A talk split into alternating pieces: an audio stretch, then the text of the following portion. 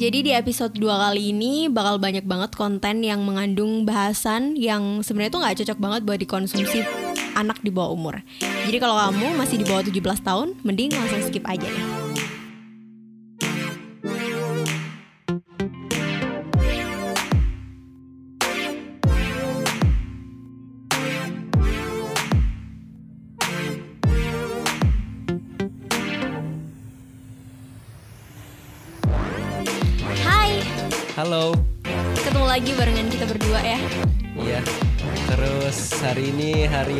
Spesial kita nggak berdua aja, ada tamu di tengah-tengah kita dan pembahasan di episode 2 kali ini akan sangat cukup menarik dan cukup akan menguras banyak tenaga sekali untuk yang mendengarkan. apalagi yang cerita kayaknya. Langsung aja deh kita sapa dulu halo. Halo. Halo. Wah, suaranya enak Halo. banget ya. Iya dong, kan harus ceria. Hari ini tuh terang banget ya, nggak hujan, lumayan lah. Nggak macet Siap. juga di jalan tadi. Nggak macet ya? Iya kan itu liburan. Oh, iya. Suka lupa hari ya kalau misalnya udah banyak liburan. Anyway, em, kamu belum memperkenalkan siapa dirimu loh. Oke, kenalan nih ya. Iya. Perkenalkan nama aku Aluna Simfoni. Kalian bisa panggil aku Aluna aja deh. Aluna. Iya. Halo Aluna. Hai. Ini kayak lagu ya, Aluna Simfoni lagunya siapa itu ya? Nggak tahu. aku juga nggak tahu. Alunan Simfoni gitu gak sih? Oh iya benar. Terus eh, sebelumnya kan kita udah dapat email. Mhm. Apa tuh emailnya?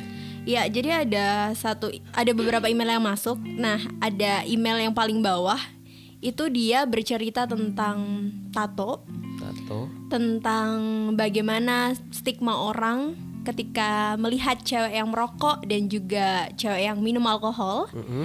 Dan dia pengen tahu gimana sih anggapan temen-temen, anggapan apa ya masyarakat gitu terhadap Iya. uh, fenomena yang kayak gini. Iya. Nah.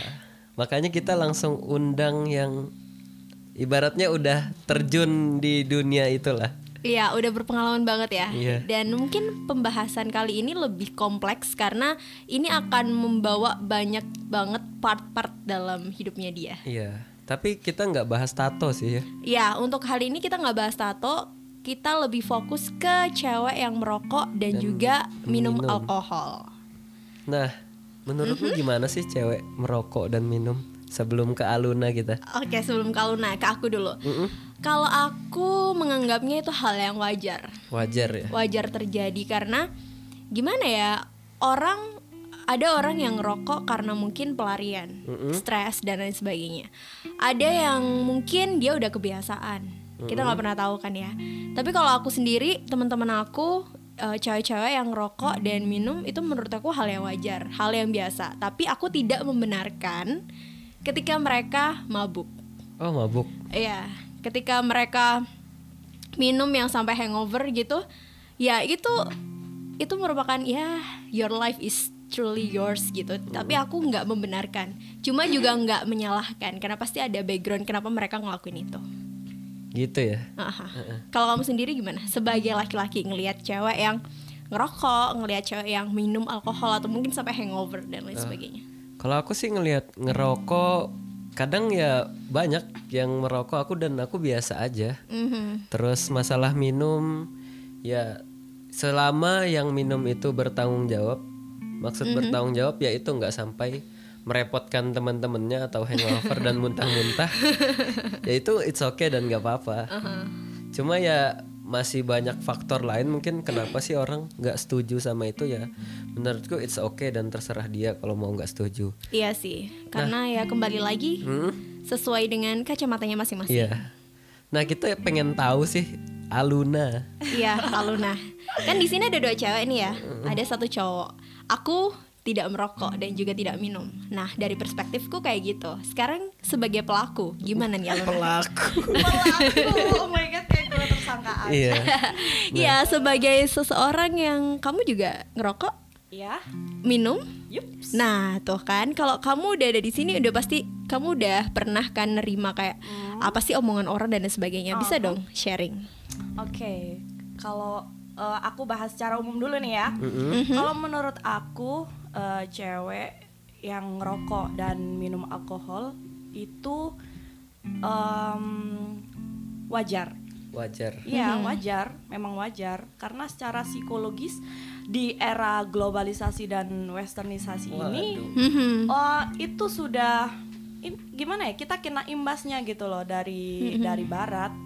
Tapi sedangkan budaya kita dan ideologi kita dan apalagi ya, Eh, mungkin karena agama juga. Mhm. ya itu- Norma-norma ya juga. norma-norma yang ada di masyarakat itu beranggapan bahwa itu dilarang kalau cowok eh cewek cowok cewek itu merokok dan minum alkohol gitu. Jadi em, karena Indonesia sudah kena imbasnya ya mau nggak mau kita juga harus menyesuaikan gitu kan ya Mhm. Em, mau minum alkohol mau ngerokok itu harus tahu tempat Yes. Menurut aku Mhm, itu mhm. nggak mungkin dong kita ke masjid mau rokok betul Iya Iya nggak sih? iya iya benar nah benar makanya kalau kalau aku pribadi emang setuju kalau cewek itu rokok dan minum alkohol asalkan tahu tempat itu aja sih Iya, Iya. jadi itu merupakan hal yang wajar ya menurut kamu ya. asalkan bertanggung jawab ya Iya.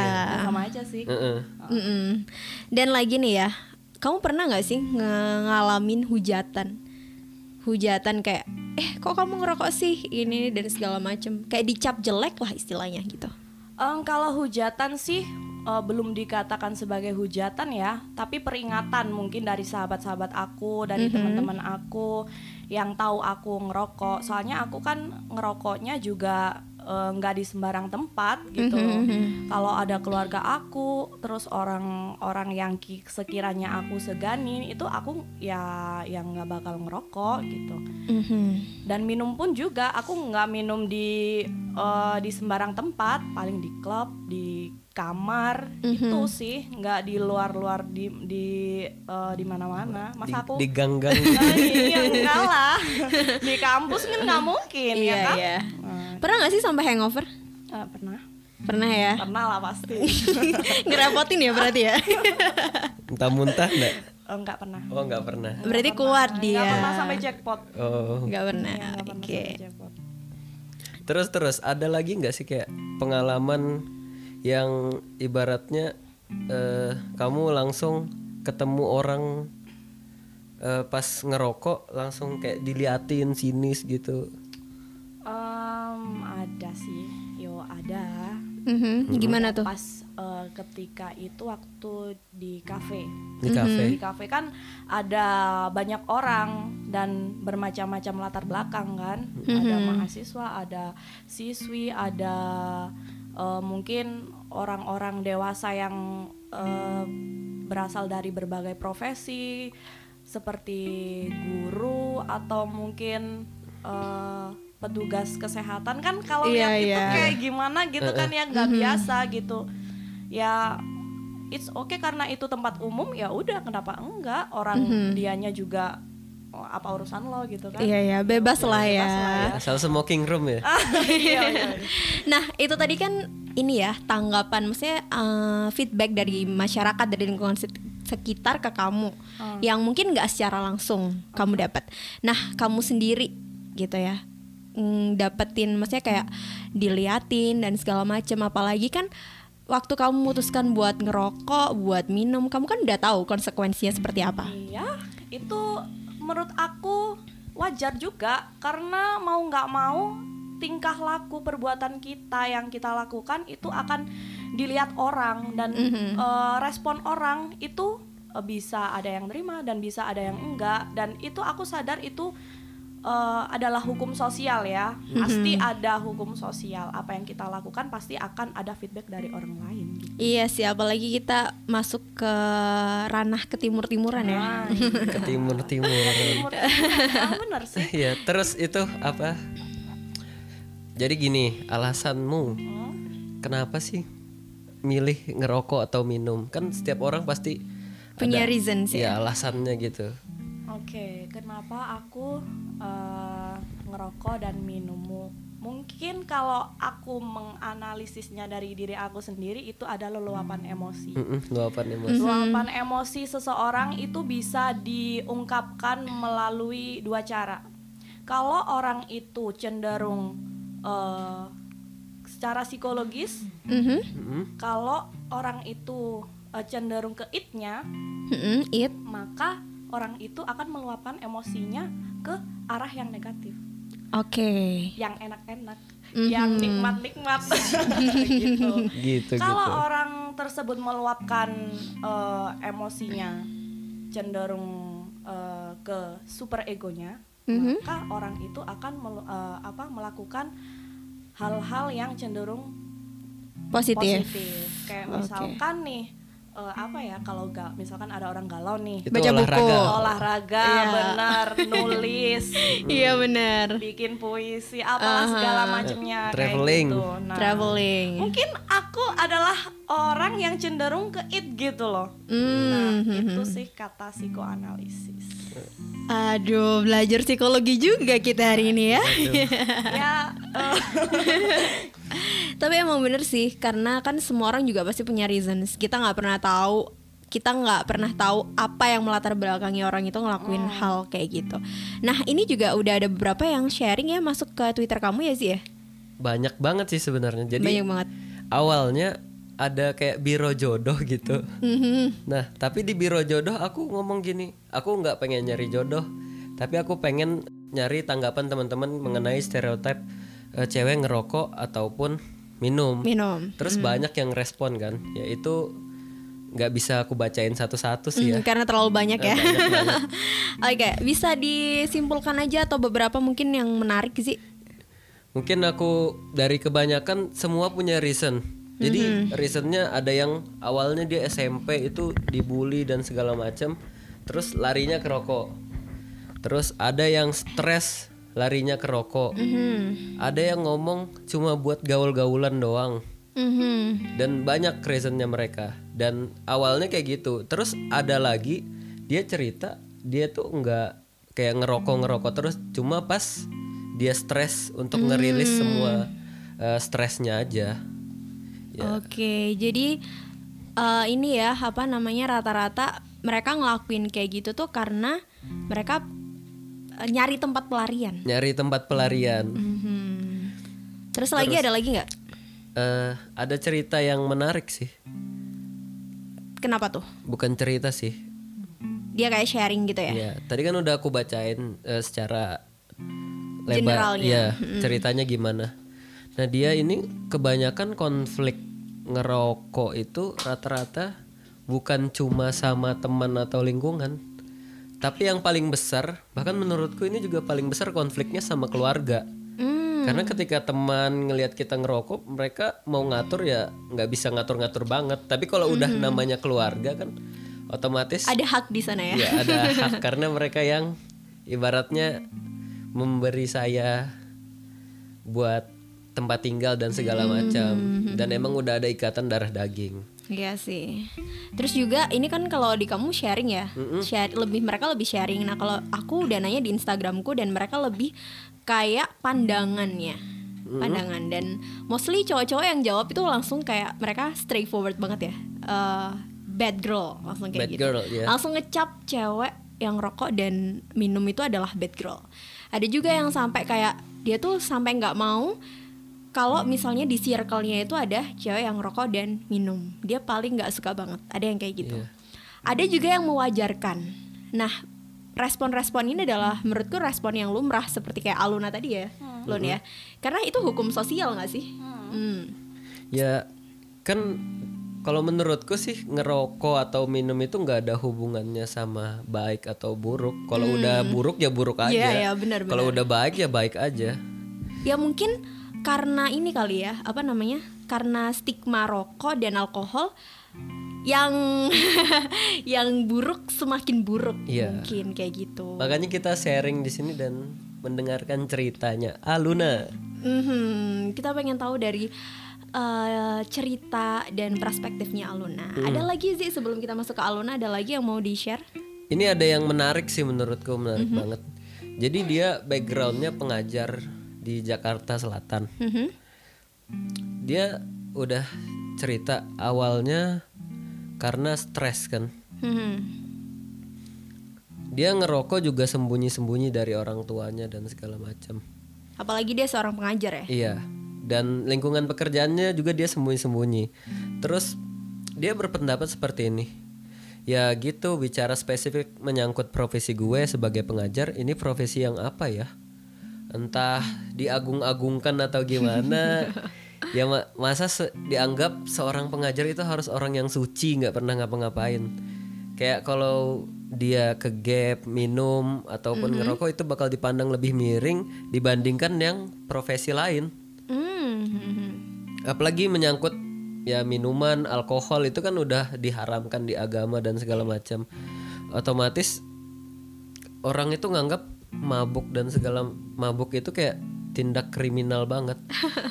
Padahal kan kayak orang yang udah eh, perilakunya ignoran, buruk dan segala macam ya kalau buruk buruk aja. Terus eh, orang yang minum bertanggung jawab kena imbasnya. Padahal dia minum ya tahu tempatnya di kamar doang, pas lagi stres doang, nggak sampai jackpot dan hangover. Mhm. Terus, lagi ya dia percaya bahwa itu alkohol itu nggak mengubah orang jadi buruk. Tapi kalau orang itu emang udah buruk dari sananya, Ya ya udah. tambah buruk lagi kena Iya, alkohol. ha.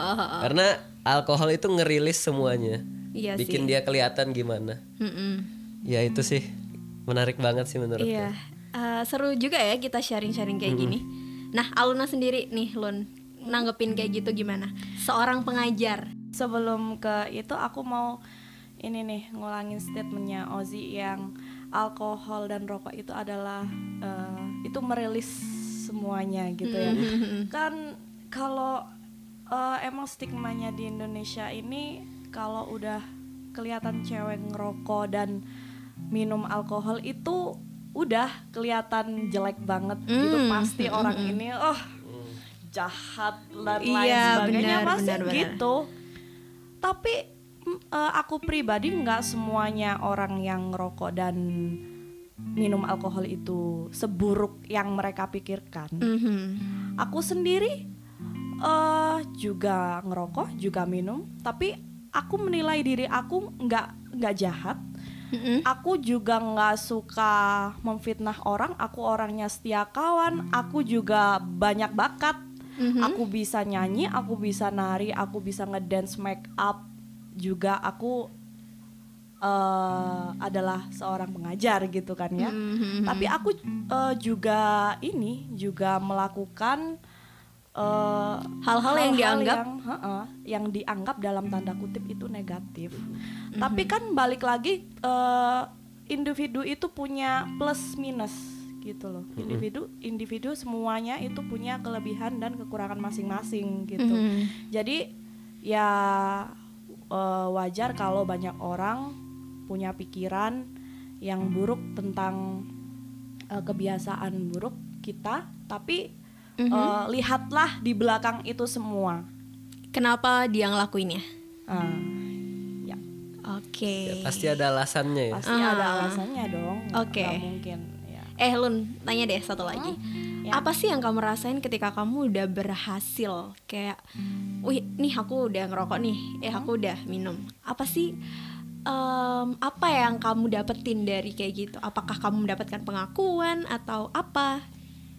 Eh, maybe pengakuan, tapi eh, itu cuma sekitar 20 sampai 30 persen lah ya.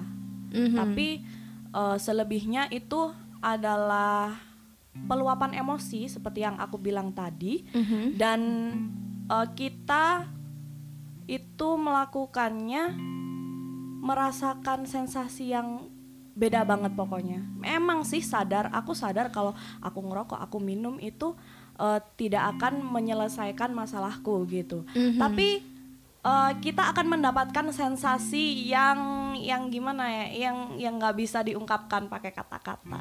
Enak lah pokoknya. Tahu tuh? Pokoknya itulah ya yang dicari ya. Iya. Terus terus pernah nggak kayak kepikiran aku tiap hari ngerokok terus rajin minum udah. Rajin kali. Sesekali ya ya. gitu. Aku pengen berhenti ah jadi hidup sehat. Pernah nggak kayak gitu? Eh, sedikit sih. Oh, sedikit. pernah pernah. Satu persen dari seratus. Enggak gitu juga.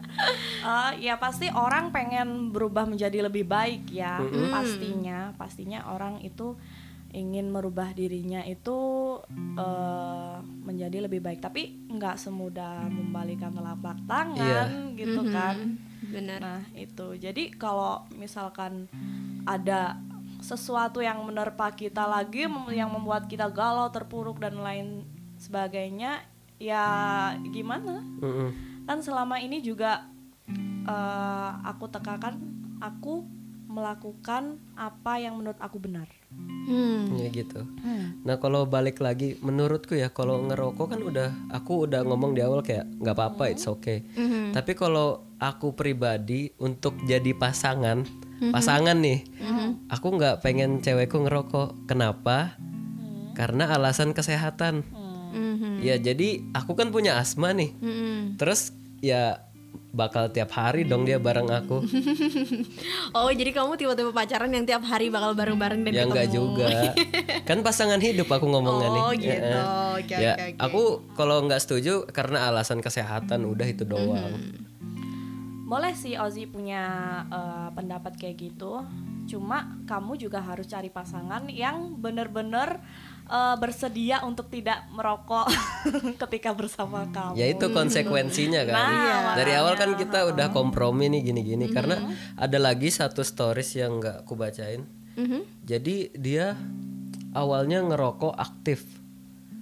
Ngerokok aktif terus sebelum nikah Hmm? dia udah berhenti. Satu hari sebelum nikah? Satu hari sebelum nikah. Tepatnya. Kenapa? Karena alasannya dia udah kompromi berdua.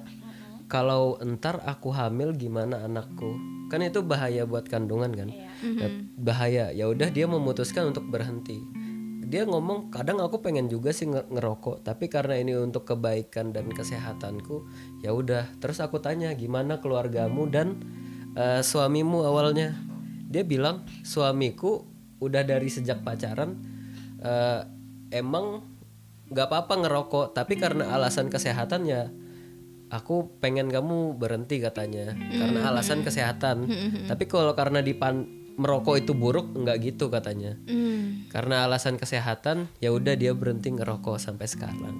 Terus ada tambahan lagi dia ngomong kan dia ini berjilbab.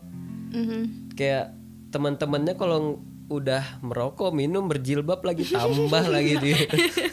Tambah plus 99 label capnya ya. ya dicap tambah nakal lagi. Padahal kan nggak ada hubungannya. Mhm. nah kalau menurut kalian gimana masalah itu berhijab?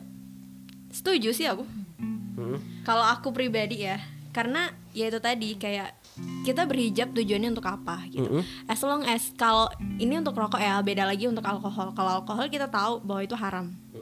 Jadi ya udah itu clear nggak boleh buat yang berhijab. Karena ya em, semua orang tahu dia muslim. Ya masa iya mau ke clubbing pakai jilbab? Kan nggak mungkin juga ya. Nggak boleh kali. nggak boleh kan? nggak boleh kan? Nah kalau misalnya rokok itu kan masih makruh ya.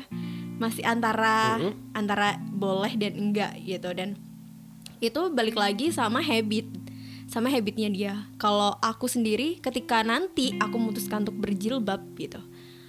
Ya berjilbab itu karena apa? Karena Tuhanku gitu. Karena balik lagi karena diriku sendiri bukan bukan dengan kebiasaan kebiasaan itu. Nggak tahu sih kalau Aluna mungkin beda pendapat. Ya, kalau menurut aku balik lagi ke statement aku yang awal merokok itu harus tahu tempat. Mm-mm. harus tahu tempat dan situasi keadaan juga. Nah, eh, kalau cewek eh, yang berjilbab ya, kalau cewek yang berjilbab, iya udah tahu berjilbab ngapain dia ngerokok? Ya pasti pandangan-pandangan eh, orang-orang kan, eh, ini cewek udah pakai jilbab ngerokok lagi. Nah, pasti eh, yang muncul di pikiran orang adalah stigma yang buruk buat dia. ya Nah, kembali lagi ke hukum sosial. Itu emang Iya. udah wajar. wajar. Lah, aku nggak setuju sama kalian. Ya aku nggak apa-apa kamu mau mer- berjilbab ataupun merokok. Tapi kan selama bisa misahin tempatnya balik ke misahin tempat. Jadi kalau kamu mau ngerokok ya dia pasti beji- bejilbab kan pasti dia ngerokok buat ngerilis eh, biar dia nggak stres. Ya udah dia sendirian gitu atau sama teman-temannya. Dan nggak mungkin juga di tempat umum kalau kan dia tahu mana posisinya. Iya. Terus kalau minum kan nggak mungkin juga dia ke pub ya di kamar sendirian juga dia dia nggak apa-apa. Dan menurutku nggak ada hubungannya itu. Iya kan, nggak ada hubungannya kan berjilbab dengan rokok. Iya. Terus lagi kalau aku sih ngalaminnya, maksudnya faktanya sekarang banyak cewek-cewek yang berjilbab ngerokok di kafe-kafe. ya kan? Iya. Kita sering temuin juga karena ya itu tadi semua udah bukan lagi hal yang tabu gitu. Iya. Kalau di kota-kota besar kayaknya iya. Iya. Kalau di kalau di desa ya. Ya di Oh, desa. aduh, jangan ya. Jadi gunjingan iya, itu tetangga. kan itu sama aja tuh gol bunuh diri. Baiklah, balik lagi ke kisahnya Aluna nih. Oh. Setiap orang yang ngerokok tadi Ozi udah soundingin di depan bahwa pasti punya reasons gitu. Dan terus gimana tanggapan dari keluargamu, dari family kamu tentang kamu yang seperti ini? tanggapan tentang aku yang seperti ini mereka nggak tahu. Jelas mereka udah nggak tahu karena uh, aku udah bilang aku kalau ngerokok dan minum tahu tempat. Mhm.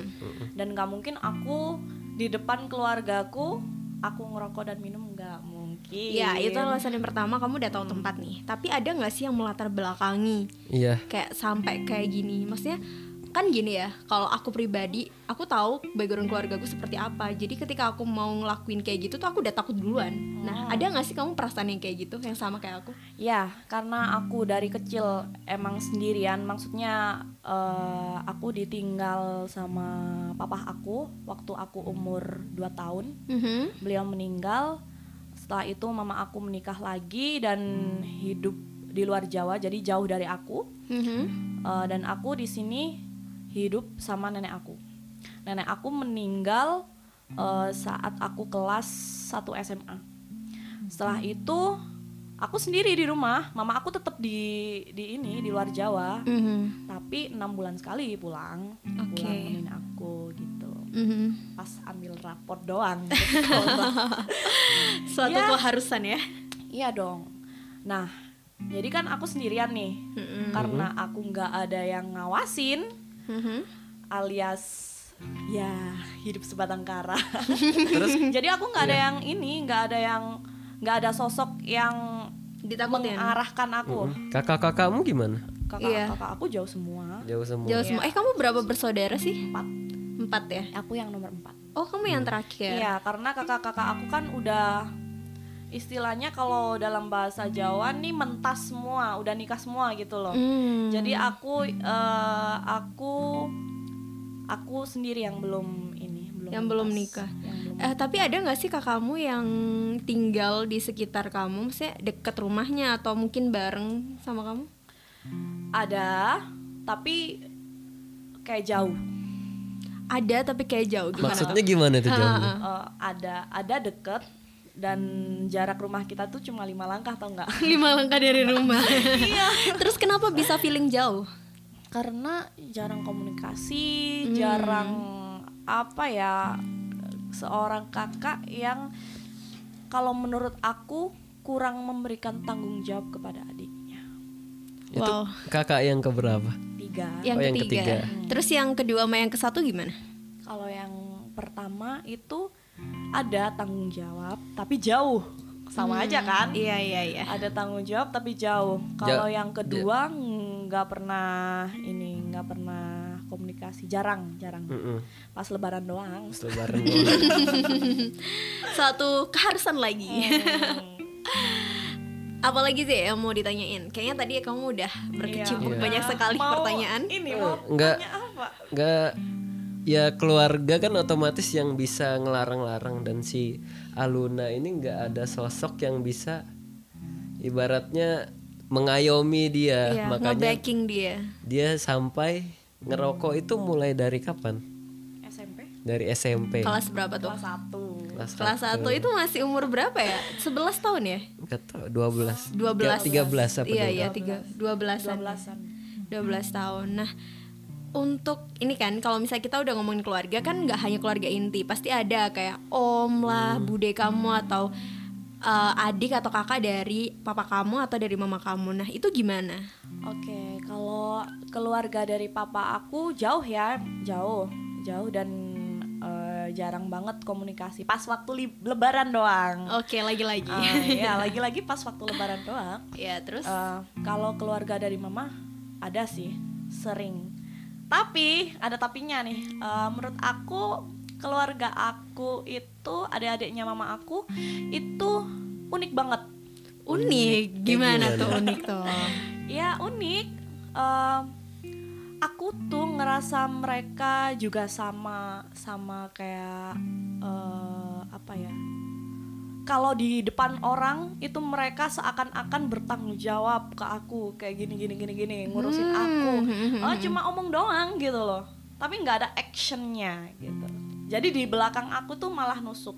Bayangin aja ketika aku lagi abis kehilangan mama aku, mama aku habis eh, meninggal dan mereka itu kayak yang berlomba-lomba untuk untuk apa ya? Untuk menusuk aku dari belakang. Ini dalam artian apa? Merebut harta atau gimana? Eh, Ada juga. ada juga harta ada juga yang eh, apa ya ya kayak gitulah Hmm, gitu jadi- gimana Eh, tunggu tunggu. Mama kamu meninggal di saat kamu kelas berapa?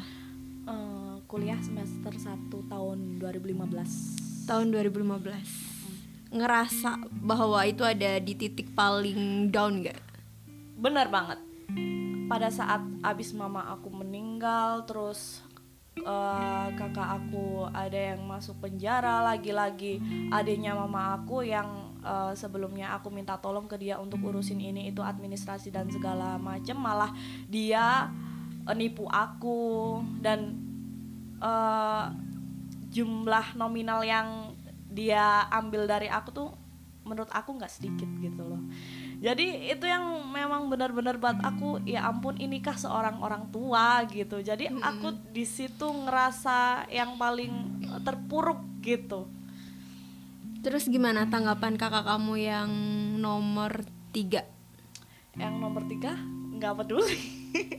Semuanya nggak peduli pas kamu di Iya, ada di posisi yang kayak gitu. Mm-mm. Hmm, yes mereka cuma beradu argumen saling menyalahkan dan lain sebagainya mereka nggak tahu eh, apa yang aku rasain gitu Mm-mm.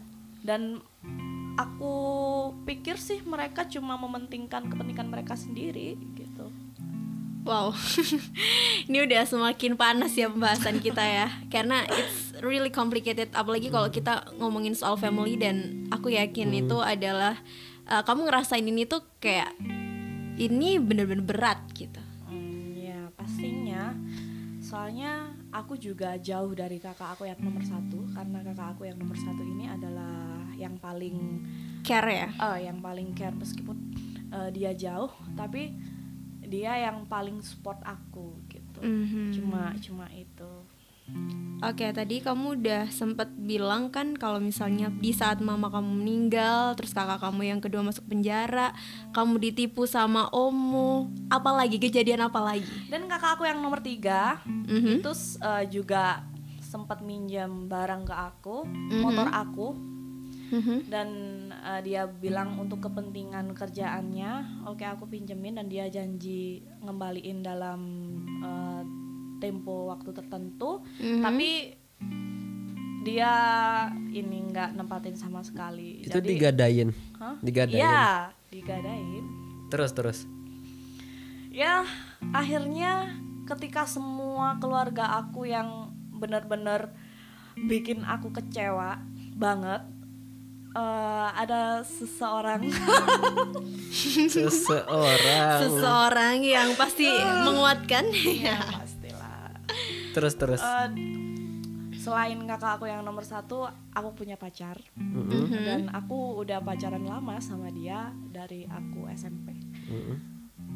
Eh, sampai sampai kemarin kita baru putus. Oke baiklah. Kita eh, kita tunda dulu pembahasan Iya, itu iya, ya. iya, nanti bakal ada segmen yang jauh lebih menarik. Balik lagi ke keluarga. setelah motor digadein apalagi kejadian apalagi di tahun itu yang bikin kamu kayak wow this is the worst year of my life. Eh, sebenarnya banyak banget sih tapi karena banyaknya saking banyaknya aku lupa. Oh iya. Aku pernah kehilangan uang aku Mm-mm. kehilangan uang aku dan itu jumlahnya gede banget kalau misalkan eh, dibuat ngontrak rumah di perumahan itu bisa setahun Mm-mm. Puluhan berarti. Hmm, ya Ya. Terus terus. Iya. Dan eh, aku curiganya tuh sama adiknya mama aku. Karena yang tahu aku transaksi terima uang dan menyimpan itu cuma dia.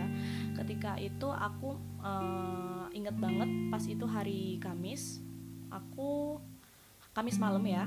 Kamis malam aku habis transaksi langsung naruh uang aku di lemari Ini transaksi apa? transaksi ini jual beli Oh, jual kan beli. iya kan uangnya eh, nyicil gitu Mm-mm. nah pas itu sisanya gitu loh sih oke Eh, ya itu nah aku berencana besoknya aku taruh di bank. Nah Mm, karena mm. paginya eh, Jumat pagi aku pikir-pikir eh, Jumat nih kan hari pendek dan Mm-mm. aku juga kuliah eh, itu full time gitu loh. Sampai jam 11 pastinya bank akan tutup gitu kan. Yes. Oke deh eh, kalau gitu aku taruh di banknya Senin aja gitu aku pikir gitu. Dan ya udah aku berangkat kuliah. Pas pulang kuliah aku buka kamar kunci itu masih bisa. Tapi eh, ini apa? Gagangnya kuncinya itu Mm-mm. lepas lepas dari pintu. Wow berarti Nah. ada yang ini ya? Nah ada yang sabotase pasti. Iya benar. Dan itu jatuhnya bukan ke lantai tapi ke kasur aku yang di sebelah kanan ya. Kan langsung aku panik aku buka lemari aku aku lihat dan udah Ra. udah nggak ada. Ya dan Terus, hmm. itu masalah itu eh, semakin memanas karena saling mereka keluarga aku itu saling menyalahkan saling menuduh, saling menyalahkan dan berantem semua gitu loh. Meskipun pada suatu hari kita eh, apa ya ngadain kumpul-kumpul ngomongin bareng masalah itu, tapi setelahnya pun kita tuh masih musuhan. Oh my god padahal family ya Dan iya padahal family cuma gara-gara itu doang. Nah sebenarnya aku tuh nggak mau yang memperpanjang masalahnya, tapi karena udah aku udah terlanjur eh, nge-share dan mereka tuh saling yang kubu ini sama kubu ini tuh saling saling menuduh, saling menyalahkan gitu. Jadi keadaan itu yang bikin aku apa ya nggak nyaman banget ada di rumah gitu, nggak nyaman banget sama keluarga. Dan pada akhirnya sekarang pun eh, kita udah baik-baik aja. Karena Baik-baik lebaran. Karena lebaran ya. iya pasti Baik-baik kalau aja udah karena lebaran. udah kan kita itu kan eh, apa ya hari yang fitri banget kan ya. Jadi ya melebur dosa maaf maafan jadi ya udahlah masa lalu itu ya udah eh, nggak usah kita bawa sampai ke sini. Tapi ya itu kita harus hati-hati aja ke depannya gitu. Jadi sekarang aku sama keluarga aku semuanya berhubungan baik. Berhubungan baik. Berhubungan baik sangat berhubungan baik. Tapi eh, aku lebih hati-hati kalau misalkan mereka apa ya kan masing-masing ada track recordnya nih ya. Mm-mm. track record. Masing-masing ada track recordnya. Jadi kalau mereka kayak gini sama aku nah aku bisa antisipasi dan lebih hati-hati itu aja sih. Hmm, ada yang mau Ozi tanyain? nggak ada sih kan kayak udah keluarga itu kayak bukan tempat kita kembali lagi ya. Larinya ya bakal ke percintaan. Iya sih bener. Eh tapi tadi ada yang belum kamu selesaiin loh Yang kakak kamu kan ini di penjara. Nah terus gimana? Setelah uangnya di raib gitu kan raib. Setelah uangnya kamu ditipu sama om kamu sendiri Terus kakak kamu berhasil keluar dari penjara nggak? Iya, untung aja itu kan eh, aku dapat duit sebelum sebelum mama aku meninggal satu bulan sebelumnya itu eh, mungkin udah firasat orang mau meninggal kali ya. Mm, eh, mama aku manggil aku dan ngasih semua uangnya ke aku. Terus ditambah juga setelah mama aku meninggal aku jual tanah di belakang. Emang alokasinya buat ini buat eh, urus administrasinya kakak aku yang masuk penjara itu. Dan eh, untung aja meskipun di eh, apa namanya meskipun udah Udah apa? Sedih ya? sedih. Oke, meskipun udah ya meskipun udah diambil sama om aku tapi ada is- sisanya lah ada sisanya jadi eh, setelah itu aku urusin sendiri administrasinya wow. Di usia kamu yang masih segitu Ah, ya. iya Oke, tadi udah ada review dikit ya. Tadi udah apa nih di tahun 2015 mamanya meninggal, kakaknya masuk penjara, ditipu. Terus uang sisanya hilang gitu kan. Keluarganya pecah belah. ada lagi ada lagi apa lagi? aku ingat eh, waktu itu aku em, dipukulin sama kakak aku Really? Dipukul Yes. kenapa itu?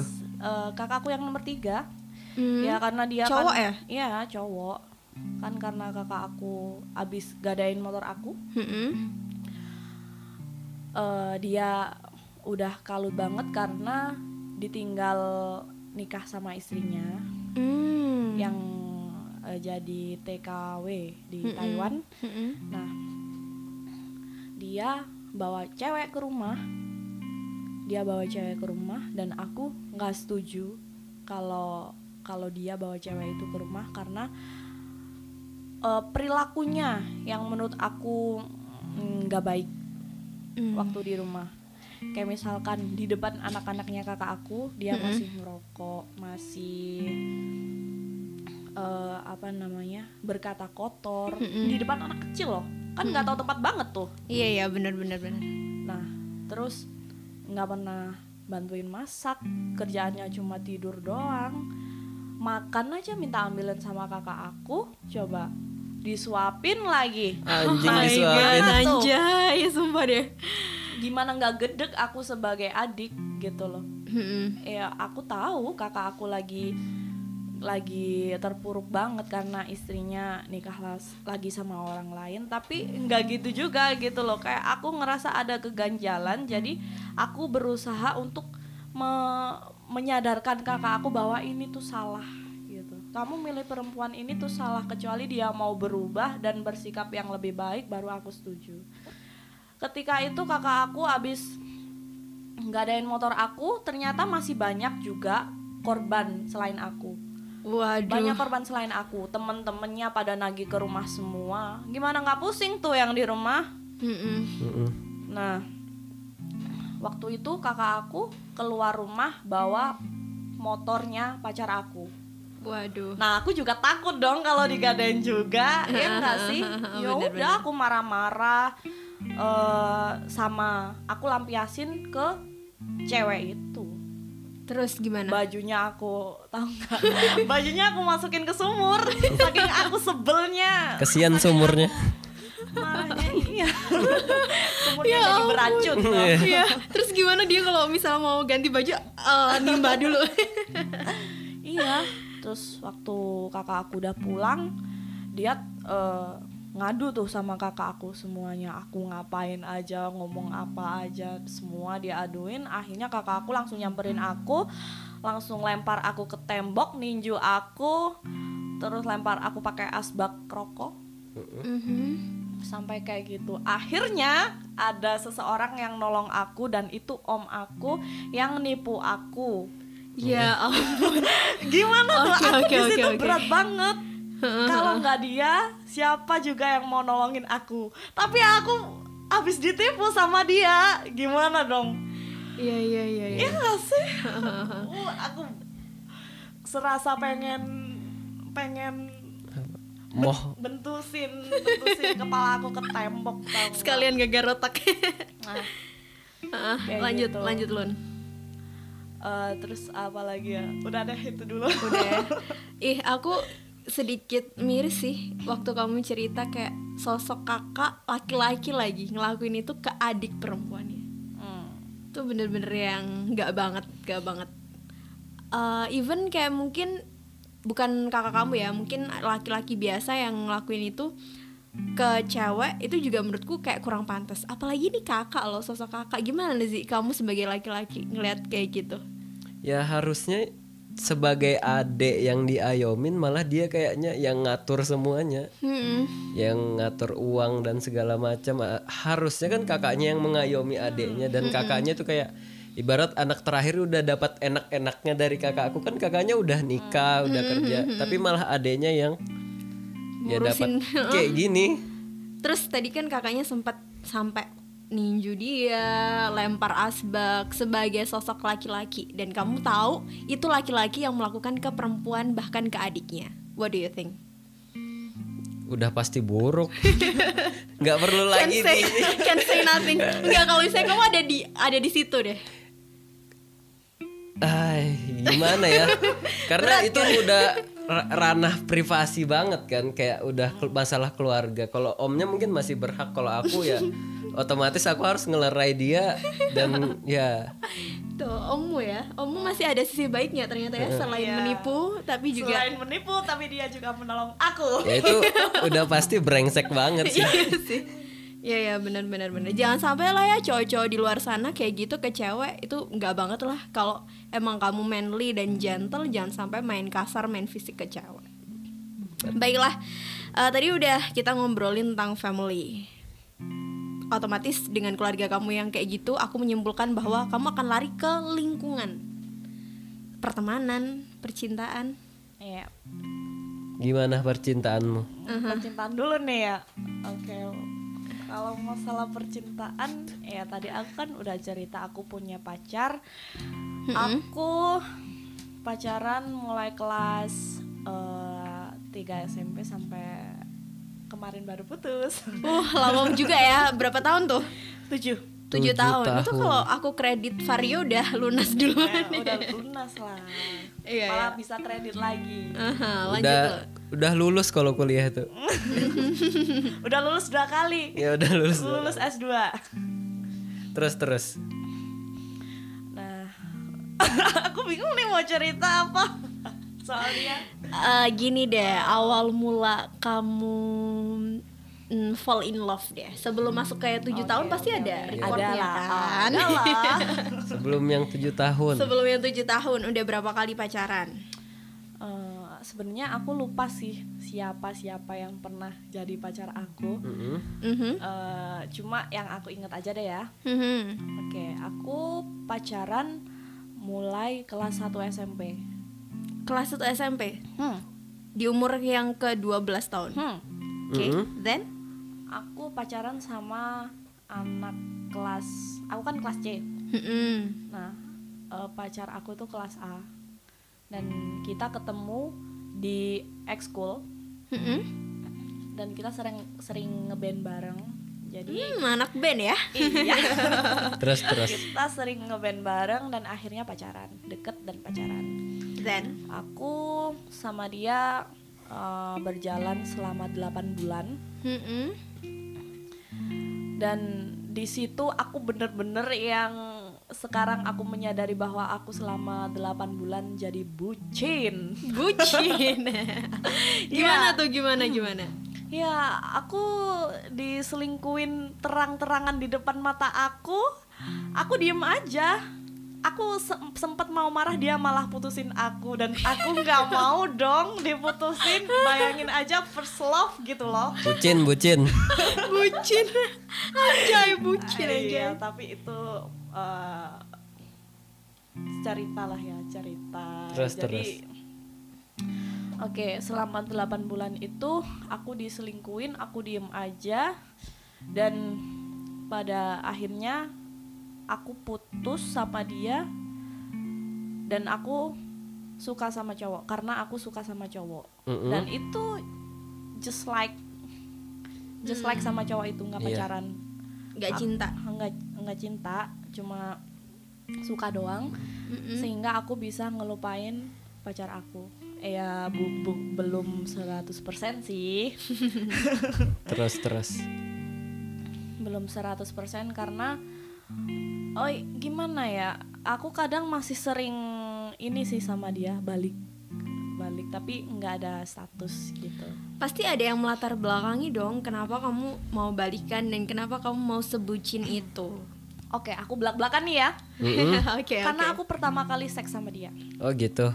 Di, kok di jawaban kamu kayak biasa aja? Oh gitu. Di umur kedua di umur 12 tahun itu adalah pertama kali kamu melakukan hubungan seks. ya ya siapa cewek siapa cewek mana yang yang nggak jadi bucin ketika eh, keti- ketika dia melakukan kayak gitu sama cowok pertamanya dan Mm-mm. nah udah pasti pasti udah bucin banget.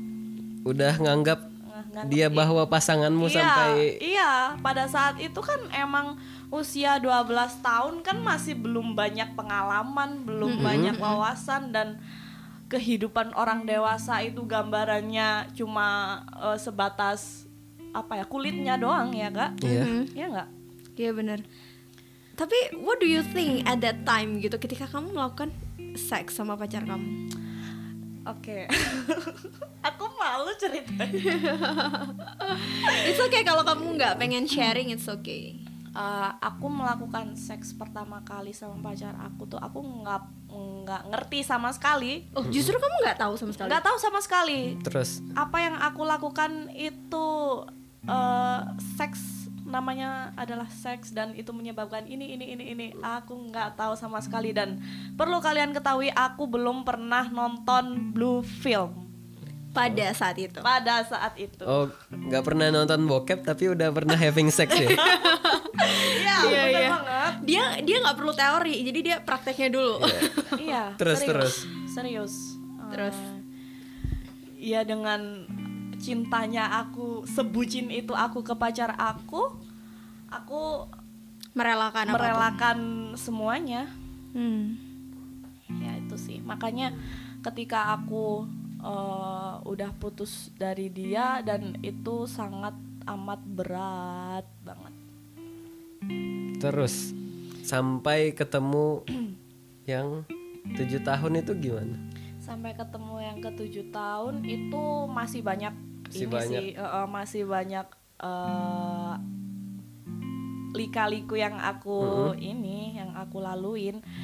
Eh, banyak cowok juga sih gitu tapi yang menurut aku paling aku ceritanya eh, kalau aku ceritain semua kan juga Banyak ya. banyak banget nggak ya. habis-habis Iya, coy bisa habis Bisa Ini sampai sehari ya udah ini. ya. 50 menit Waduh.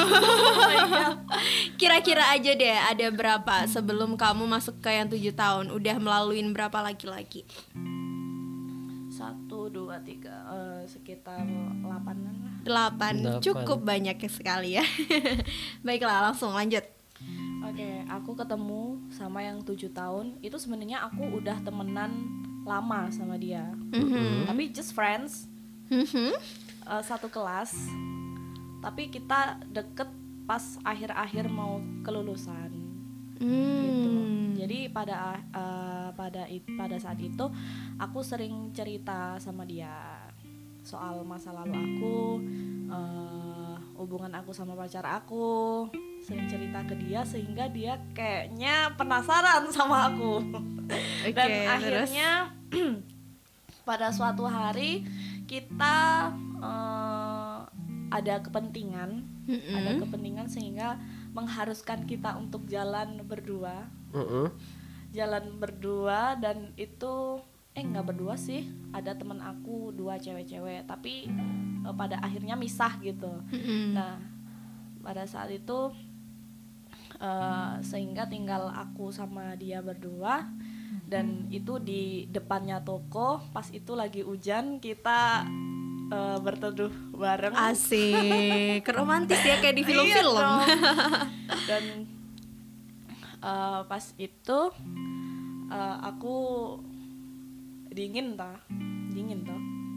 Merasa kedinginan dia pinjemin jaketnya dan ya udah kita pulang. Tapi sebelum nyampe rumah itu aku eh, ini kebelet Mampir. pipis. Oh. dan Iya, mampir ke rumah neneknya. Oh, gitu. di rumah neneknya sepi tuh nggak ada orang. Ya sudah kalian tahu kan apa yang terjadi Ya. jadi kira-kira aja udah Oh iya, cari ancang-ancang ya. Ah, iya. Terus terus. Terus Ya udah, setelah akhirnya- happen, tapi itu posisinya aku udah deket sama eh aku masih punya pacar hmm, ya posisinya aku bukan deket tapi udah punya pacar berarti masih dia selingkuh pacar. dong. Eh, kamu selingkuhannya dia. Oh, oh. Dia selingkuhan kamu. Hmm. Oke. dan karena pacar aku tuh eh, nggak beda jauh tipenya sama kayak eh, mantan aku yang pertama kali Mm-mm. nah otomatis pada akhirnya dia mutusin aku karena terlalu apa ya, posesif gitu kan ya oke eh, aku sebelumnya nggak pernah ngeiyain tapi setelah itu setelah aku kenal sama eh, cowok aku yang tujuh tahun itu Mm-mm. aku aku eh, mau diputusin Hmm. dia heran dong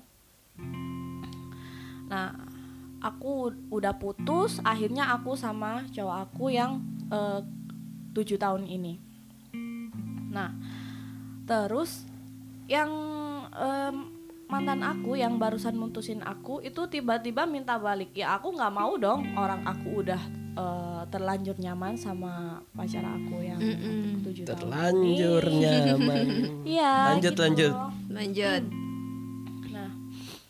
Satu tahun adaptasi aman lah ya. Aman. Meskipun eh, berantem berantem paling cuma gara-gara cuek, gak peka ya kayak gitulah alay-alay. Masih zaman-zaman iya, segitu ya? Zaman-zaman yang anak alay. Terus? Eh, tahun ke satu, kedua, ketiga baru ada ini ada konflik. Apa tuh konfliknya? Aku selingkuh. Oh, selingkuh. Hobi ya selingkuh. Apa ya? Kayak yang Kebiasaan nih jadinya. eh, em, apa ya Sensasi. bisa bisa bisa dikatakan sebagai kebiasaan tapi juga ada kalanya aku setia kok Hmm. Tiga tahun setianya. terus terus selingkuh itu kenapa selingkuh? oke yang pertama aku merasa bosen Bosen. bosen sama hubungan yang mungkin udah lama dan monoton gitu ya dan ada beberapa hal yang aku nggak suka tapi dia tetap melakukannya Mm-mm. Nah itu mendorong aku eh, biar aku kayak selingkuh gitu. Pacarmu ngelarang-ngelarang gitu gak sih? Kan kita di awal udah ngomong Iya. rokok dan minum. Dia ngelarang-larang juga. Iya, Mm-mm. dia Alasannya? ngelarang juga. Ya kadang aku tuh ada beberapa yang masuk akal, ada beberapa yang nggak masuk akal gitu. Yang gak masuk akal aja deh. Eh, yang nggak masuk akal ya, misalkan aku nggak boleh nyanyi lagi. Alasannya aku nggak suka aja denger kamu nyanyi. Aku sakit hati kalau lihat kamu nyanyi. Ayo, Padahal tuh. padahal nyanyi adalah tadi kamu udah sebutin juga salah satu passion kamu. Hmm. Gimana tuh? Coba aku kan eh, sebelum pacaran sama dia kan aku aku emang Anak band? emang anak band dan rutinitas aku nyanyi gitu loh. Pas udah pacaran sama dia, udah tuh diputus semua tuh.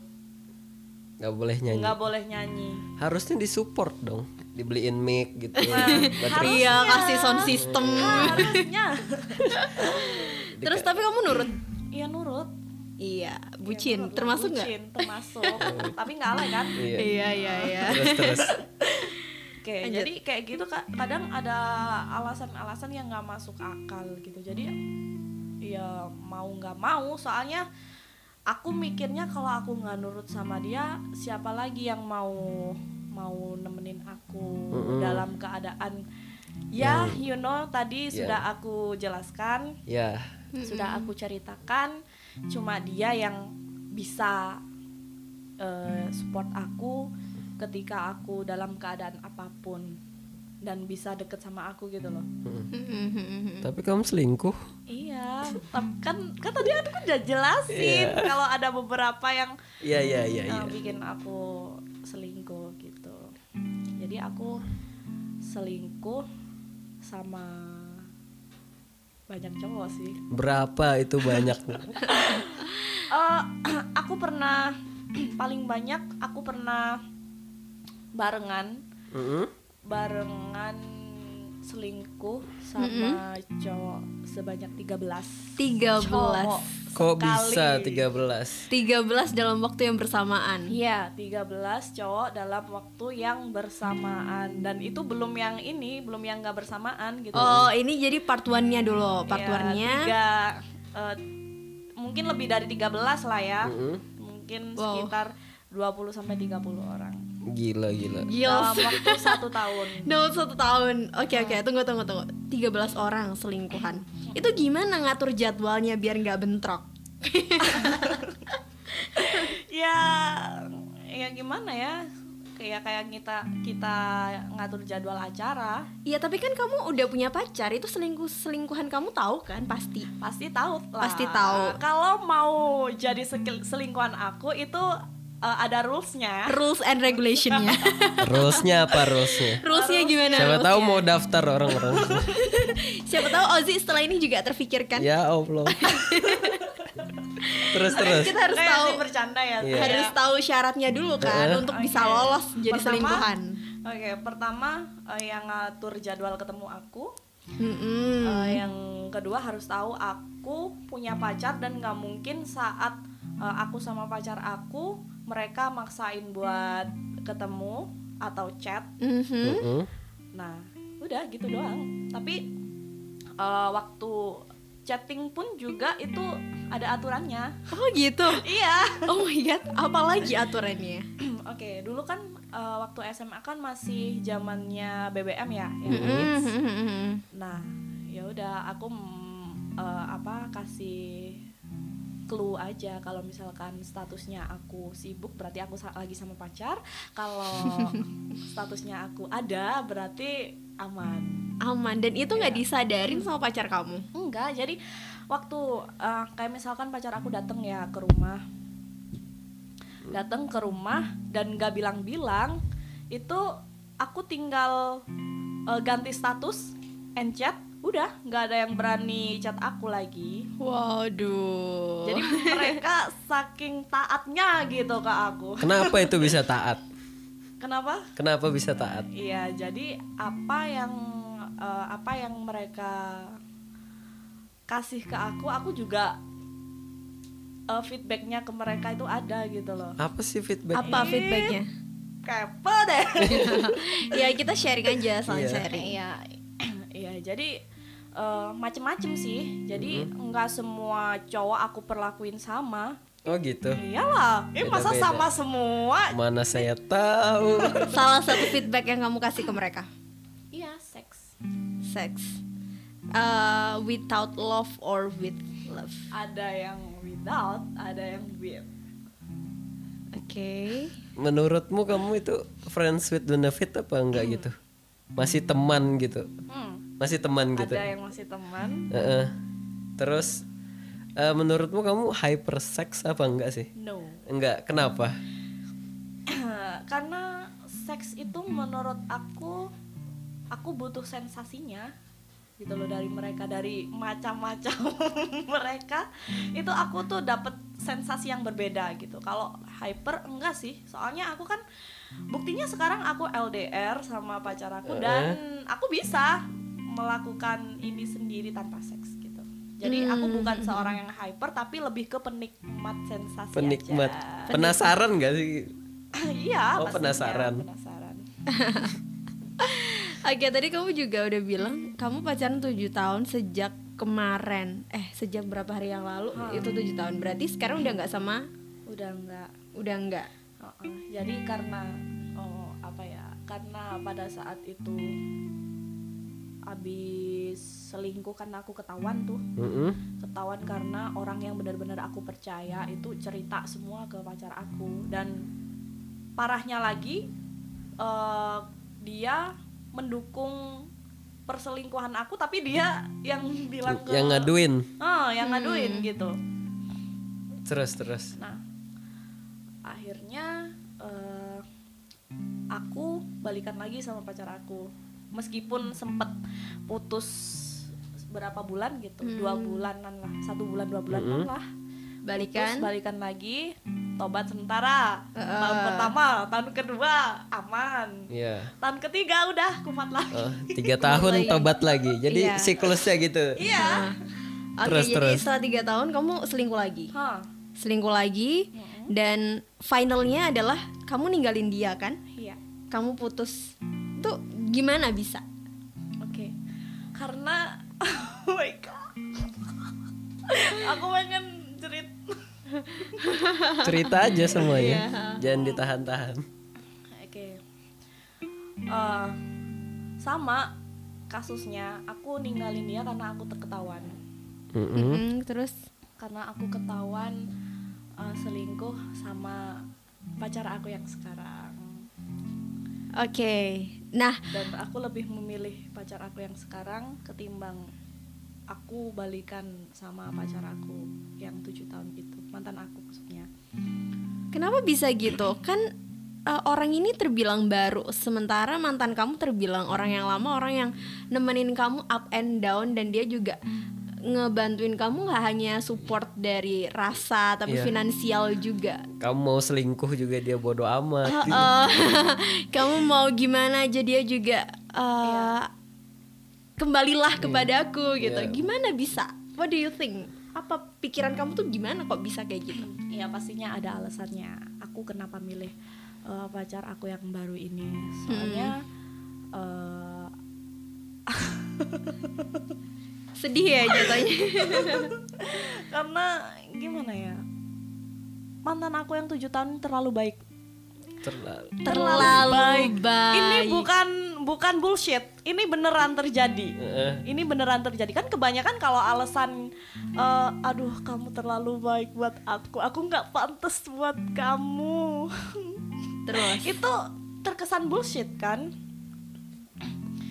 itu terkesan bullshit Eh, jadi Terus Terus tapi terus. ini ini beneran sih ini beneran Jang ini beneran aku nggak mau baik-baik. Takut diputusin karena terlalu baik. Terus terus. iya karena saking sabarnya dia udah tahu aku selingkuh kayak gitu dia masih eh ayolah aku aku sayang kamu balik bal- balik yuk sama aku aku nggak marah ayo balik sama aku aku nggak marah asalkan kamu mau berubah kita jalanin mulai awal kamu kan nggak tahu kalau cowok yang baru kamu kenal itu eh, lebih baik dari aku atau enggak kan kamu masih kenal dia belum ada seminggu. Hmm. Alasan terbesarmu kenapa menimbang yang baru ini? Mm-mm, dan ternyata lebih tahun. berat. Ya, eh, ada hubungannya juga sih sama alasan aku yang eh, menganggap bahwa mantan aku yang tujuh tahun itu terlalu baik karena aku ingin berubah. Kalau misalnya aku tetap stuck sama pacar aku, eh mantan aku yang tujuh tahun itu pasti aku akan Iya. balik lagi siklusnya kayak yang tadi itu. Nah, kayak aku menemukan seseorang yang benar-benar bisa arahin aku bukannya yang pacar eh, mantan aku yang tujuh tahun ini nggak ngarahin tetap ngarahin cuma akunya yang kayak merasa sosoknya dia tuh kurang tegas sama aku Be aja karena gitu. terlalu baik. karena terlalu baik bener banget Eh, tapi kan justru seneng gak sih punya pacar yang kayak gitu sabar, nerima. Bucin. tapi jatuhnya tapi jatuhnya ya ya gimana aku nggak bisa berubah jeng Hmm. kalau sama pacar aku yang eh, baru ini aku lebih takut Lebih takut. lebih takut eh, lebih takut mau ngelakuin sesuatu yang negatif Kal- meskipun kita LDR Iya. Hmm. meskipun kita LDR tapi aku tuh kayak yang aku eh, mau aneh-aneh dikit gitu udah kebayang. Aku nggak suka ya kamu kayak gini gini gini. Aku nggak suka ya. nah pacar aku tuh selalu selalu bilang nggak nggak suka suka nggak ya." suka nggak suka. Jadi eh, ya awal pacaran itu aku agak sedikit eh, Kaget kaget dan nggak biasa banget. Soalnya sebelumnya aku selalu diiyain dan sekarang semuanya nggak suka nggak suka nggak suka dan aku apa ya mau nggak mau aku juga eh, harus harus nurut sama dia soalnya dia udah serius sama aku dan mau nikahin aku itu sih Intinya mau nikahin nih. Iya intinya dia mau cepet nikahin aku asalkan aku eh, lulus kuliah dulu Mm-mm. Oke, satu pertanyaan mungkin enggak banyak sih ya. Apa sih yang kamu rasain ketika bukan kamu rasain sih, tapi kayak lebih kenapa? Maksudnya gimana ya? Aduh sampai susah nih ya ngomongnya. Jadi kan kamu udah tujuh tahun ngelaluin up and down dan akhirnya kamu milih yang ini. Ada nggak sih rasa menyesal karena udah ninggalin yang tujuh tahun? Karena kan dia udah udah nemenin kamu bener-bener yang jatuh bangun banget gitu. Ada nggak sih Eh, feeling guilty gitu? kasihan sih sebenarnya. Sama yang tujuh tahun. iya kasihan Kasihan. kasihan tapi eh, buat aku balik pun udah nggak mungkin nggak mungkin banget aku balik sama dia ya cuma rasa kasihan Sama yang sekarang jadi kamu udah tobat nggak selingkuh nggak having Enggak. sex sama yang lain-lain. enggak enggak bener bener bener bener enggak Iya. sama sekali dan aku eh ya inilah emang gimana ya keajaiban cinta mungkin ya setelah yang eh, aku kenal seminggu eh, aku bisa ngerasain bener-bener dia datang dan melunturkan cinta ke aku yang Iya. sama tujuh tahun itu kayak yang bener-bener aneh dan mimpi gitu loh wow Eh, gini, emang yang tujuh tahun itu nggak pengen nikahin kamu juga? Eh, ada sih Ada. ya mungkin ada rencana tapi nggak secepat ini dan kamu tahu kan keadaanku kayak gimana Mm-mm. nah jadi eh, aku tuh punya rencana nikah cepet Ya. ya biar apa ya beban beban aku beban keluarga aku juga nggak nggak ini jadi ada yang lebih apa ya aku mau ditanggung jawabin gitu loh Zi Mm-mm. cepet-cepet menanggung jawabin aku gitu Iya iya iya Yang karena Kamu tahu, pasti-pasti ya? eh, yang pastilah keluarga aku juga kayak gitu semua dan yang paling care sama aku itu cuma kakak aku yang nomor satu dan itu cewek. Hmm. nah aku butuh sosok yang emang bener-bener eh, buat komit sama aku ngarahin aku dan tanggung jawab sama aku. Mungkin eh, apa ya aku melihat pacar aku yang sekarang itu lebih kom paket komplit lah ya ada sosok sosok pacar selain itu juga sosok eh, teman Mm-mm. ayah apalagi umurnya udah dewasa banget dan udah mateng siap buat nikah gitu sih Aku belum matang. kamu masih masih mentah Masih mentah. Iya sih, tapi aku juga nggak bisa menyalahkan ya kalau misal dari background kamu yang seperti itu, apalagi kamu kan juga di sini ibaratnya sendirian lah keluarganya yang seperti itu. Terus juga kamu butuh bantuan secara finansial dan segala macem dan butuh orang yang bisa ngerubah kamu at least nggak selingkuh, nggak having sex sama ya temen kamu dan lain sebagainya dan itu kamu temuin di sosok yang terakhir ini. ya doain aja lah Ya, semoga it will be the last. Baiklah, hmm, tadi kita udah ngomongin tentang family, tentang percintaan. Eh, ringkes ya, sedikit aja gitu, nyinggung tentang pertemanan. Ada nggak sih temen yang tahu dengan kamu yang kayak gini, kamu yang minum, kamu yang rokok, kamu yang having sex, kamu yang keluar punya keluarga yang menurutku ya kasarannya adalah berantakan gitu ya.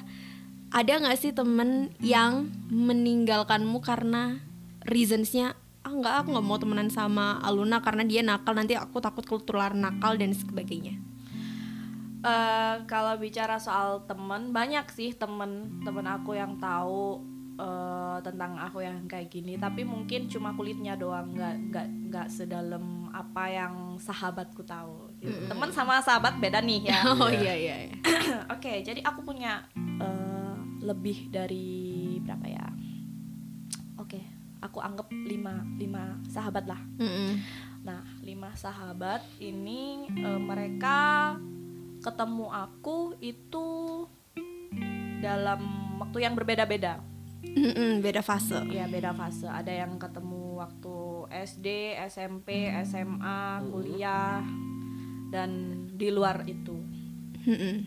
Nah, Eh, ada sih teman aku yang yang setia banget eh, nemenin aku ada juga yang ninggalin aku gitu nah jadi ya dengan aku yang seperti ini ada yang beranggapan bahwa eh, ya gimana ya perbedaan nilai dalam persahabatan itu pasti ada gitu ya Mm-mm. tapi ada yang memaklumi dan ada yang justru tidak nggak bisa memaklumi gitu Hmm. dan ad- eh, yang memaklumi itu cuma ya gimana ya cuma sebatas ngasih nasihat kalau ini tuh nggak bener ini Mm-mm. bener terus kasih argumennya dan lain sebagainya. Tapi keputusan tetap aku yang ambil kan orang Iya. ya ini hidup hidup aku. Mm-mm. lo siapa? Itu kan ya cuma sahabat sih. Kalau sahabat nih sih se- sebatas itu doang. Nah yang yang ninggalin aku pastinya yang yang nggak setuju sama ini kebiasaan aku sama perilaku aku dia kayak ngerasa yang beda nilai sama aku ya udah Ya udah berarti it's okay with that. ya Oke. mungkin ini udah lama banget ya udah mungkin Iya. masih banyak padahal cerita yang belum disampaikan Heeh. tapi mungkin ini udah bisa menggambarkan ibaratnya kenapa sih dia bisa sampai eh, ngelakuin hal-hal yang seperti tadi ada alasannya dan sampai sekarang dia udah menemukan sosok yang bisa membuatnya Berubah. berubah Heeh. Heeh. Karena ya itu tadi sih kayak setiap orang tuh punya kesempatan buat berubah. Mungkin timingnya aja yang belum ketemu. Dan yang pasti kayak apa ya? Kalau lihat Aluna nih ya, lihat Aluna dia ngerokok iya, having sex iya, terus dia apa namanya mm, minum iya. Pasti orang akan mikir wah ini udah pasti cewek nggak bener, pasti us pasti akademisnya berantakan dan segala macem.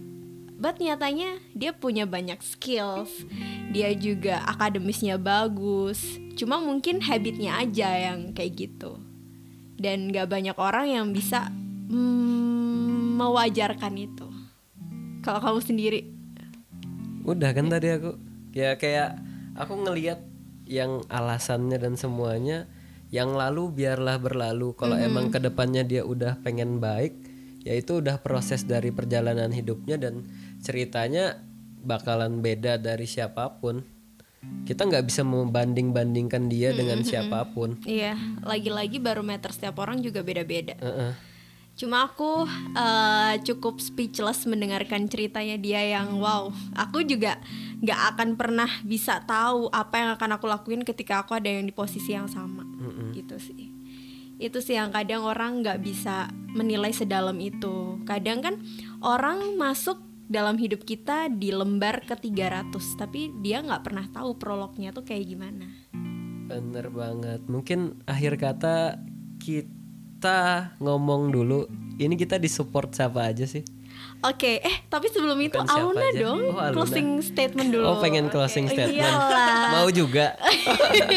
closing statement dulu. Ya, jadi aku mau uh, titip pesan aja nih ya di sini buat semua yang denger, buat uh, semuanya deh pokoknya uh, kalau menilai orang itu jangan lihat dari tampangnya aja, tapi berusahalah meluas. Artinya kamu jangan memandang seseorang itu dari kacamatamu doang. Jadi berusahalah sekeras mungkin melihat orang itu dari kacamata orang lain juga, dari sisi mana pun. Jangan cuma ngefoto eh, objek dari tampak depan, tapi kamu juga harus moto objek itu dari tampak belakang, samping, atas, bawah kalau bisa ya, untuk menilai objek tersebut. Gitu. Oke, satu lagi buat pendengar di luar sana yang mengalami hal yang sama kayak kamu tapi mungkin nggak sekuat kamu. Ada pesan nggak? eh ya semua orang itu pasti dicoba sama yang maha kuasa sama sang pencipta pasti dicoba semuanya pasti bisa dilalui dan eh, nggak mungkin kamu akan stuck dan gagal di titik itu jadi jangan merasa kamu adalah orang yang paling terpuruk sendiri sedangkan di luar sana banyak orang yang lebih bahkan eh, nggak akan bisa kamu bayangin terpuruknya seperti apa Wow, wow, wow, wow, it's rap. Ah, Bener-bener ya. Eh, aduh, aku sampai nggak bisa berkata-kata apa-apa lagi nih, Zi. Kayaknya sudah cukup di closing sama Aluna. Cukup. Aha, dan juga thank you banget buat kamu yang sudah meluangkan waktunya untuk mendengarkan kita. Semoga banyak banyak hal yang bisa kamu ambil di sini dan semakin lebar juga perspektif kamu tentang satu pandangan. Bener banget. Kalau emang ada salah kata atau perbuatan, eh, monggo silahkan bisa dikontak kami langsung. Ya bisa atau di email kita langsung di podcast stereotype at gmail.com. Iya, dan kita juga mau ngucapin thank you banget buat Zena ya karena udah ngebantuin bikin artwork ya. Ya aku artwork kita jadi yang setiap kita share di sosial media itu adalah hasil tangannya dia. Thank you banget. Baiklah, sampai ketemu di episode selanjutnya. Aku Ajeng Rianti. dan aku Ahmad Fahrozi. Aku juga nggak nih Iyalah. oke aku Aluna Simfoni Kita see you bye bye. Yuk, bye.